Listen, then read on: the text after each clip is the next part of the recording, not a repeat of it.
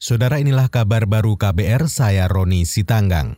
Koalisi Penegak Hukum dan HAM Papua mengadukan kepolisian daerah kepada Ombudsman Republik Indonesia atau ORI perwakilan Papua karena diduga menyalahgunakan kewenangan. Salah satu anggota tim koalisi Emmanuel Gobay mengatakan Polda Papua melakukan maladministrasi dalam proses pemindahan tujuh tahanan makar dari rumah tahanan Polda Papua ke Kalimantan Timur pada 4 Oktober lalu. Koalisi juga akan mengadukan Polda Papua ke Komisi Polisi Nasional atau Kompolnas dan Propam Mabes Polri. Masuk dalam kategori pelanggaran peraturan pemerintah nomor 2 tahun 2003 tentang disiplin kepolisian yang diatur pada pasal 6 huruf uh, Q tentang penyalahgunaan kewenangan. Salah satu anggota tim koalisi Emmanuel Gobay meminta para tersangka makar dikembalikan ke Papua.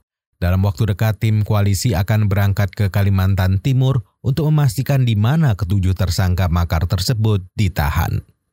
Saudara alat kelengkapan Dewan AKD, Dewan Perwakilan Rakyat, hingga saat ini masih belum terbentuk. Ketua DPR Puan Maharani beralasan masih terjadi lobi-lobi antar fraksi di DPR. Puan mengatakan masih mempersilahkan fraksi untuk bermusyawarah menentukan komposisi dalam AKD. Sampai hari ini saya masih memberikan kesempatan kepada pimpinan semua fraksi yang ada di DPR untuk melakukan musyawarah mufakat e, membicarakan tentang e, proporsionalitas pembagian AKD yang ada di DPR. Jadi kita tunggu aja. Itu tadi Ketua DPR Puan Maharani. Alat kelengkapan Dewan DPR terdiri dari 11 komisi, 6 badan, yakni Badan Kerjasama Antar Parlemen, Badan Legislasi, Badan Anggaran, Badan Musyawarah, Badan Urusan Rumah Tangga, dan Badan, Badan Akuntabilitas Keuangan Negara. Selain itu dalam AKD juga terdapat Mahkamah Kehormatan Dewan. Menanggapi itu, Wakil Ketua DPR Sufmi Dasko Ahmad membantah pembentukan alat kelengkapan Dewan terkesan bertele-tele dan melewati proses yang alot. Kata dia, susunan AKD yang belum terbentuk lantaran masing-masing fraksi masih mempersiapkan kader yang pas untuk mengisi komisi atau badan. Dia berharap saat rapat konsultasi, DPR dan pemimpin fraksi sudah tidak terjadi perbedaan pendapat. Sufmi mengatakan pembagian AKD dilakukan secara proporsional, sementara untuk pembagian kursi pemimpin dilakukan berdasarkan jumlah perolehan kursi masing-masing partai di parlemen. Dari hasil perhitungan tersebut, PDIP mendapatkan empat kursi pimpinan. Gerindra, Golkar, Nasdem, PKB, dan Demokrat mendapat dua kursi. Selanjutnya PKS, PAN, dan P3 masing-masing satu kursi pimpinan dalam AKD. Saudara Wakil Presiden Yusuf Kala mengatakan akan rehat sebentar setelah lengser dari jabatannya sebagai Wakil Presiden. Kala mengatakan akan berkeliling Indonesia selama dua bulan bersama sang istri Mufida Asad.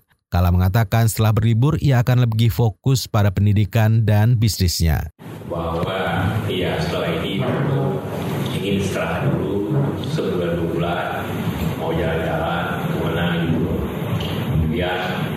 ngurus ngurus uh, sosial ngurus pendidikan ngurus keagamaan.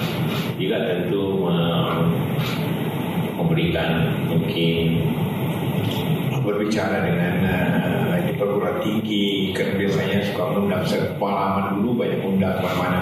Untuk berbicara uh, itu penting untuk berbagi pengalaman.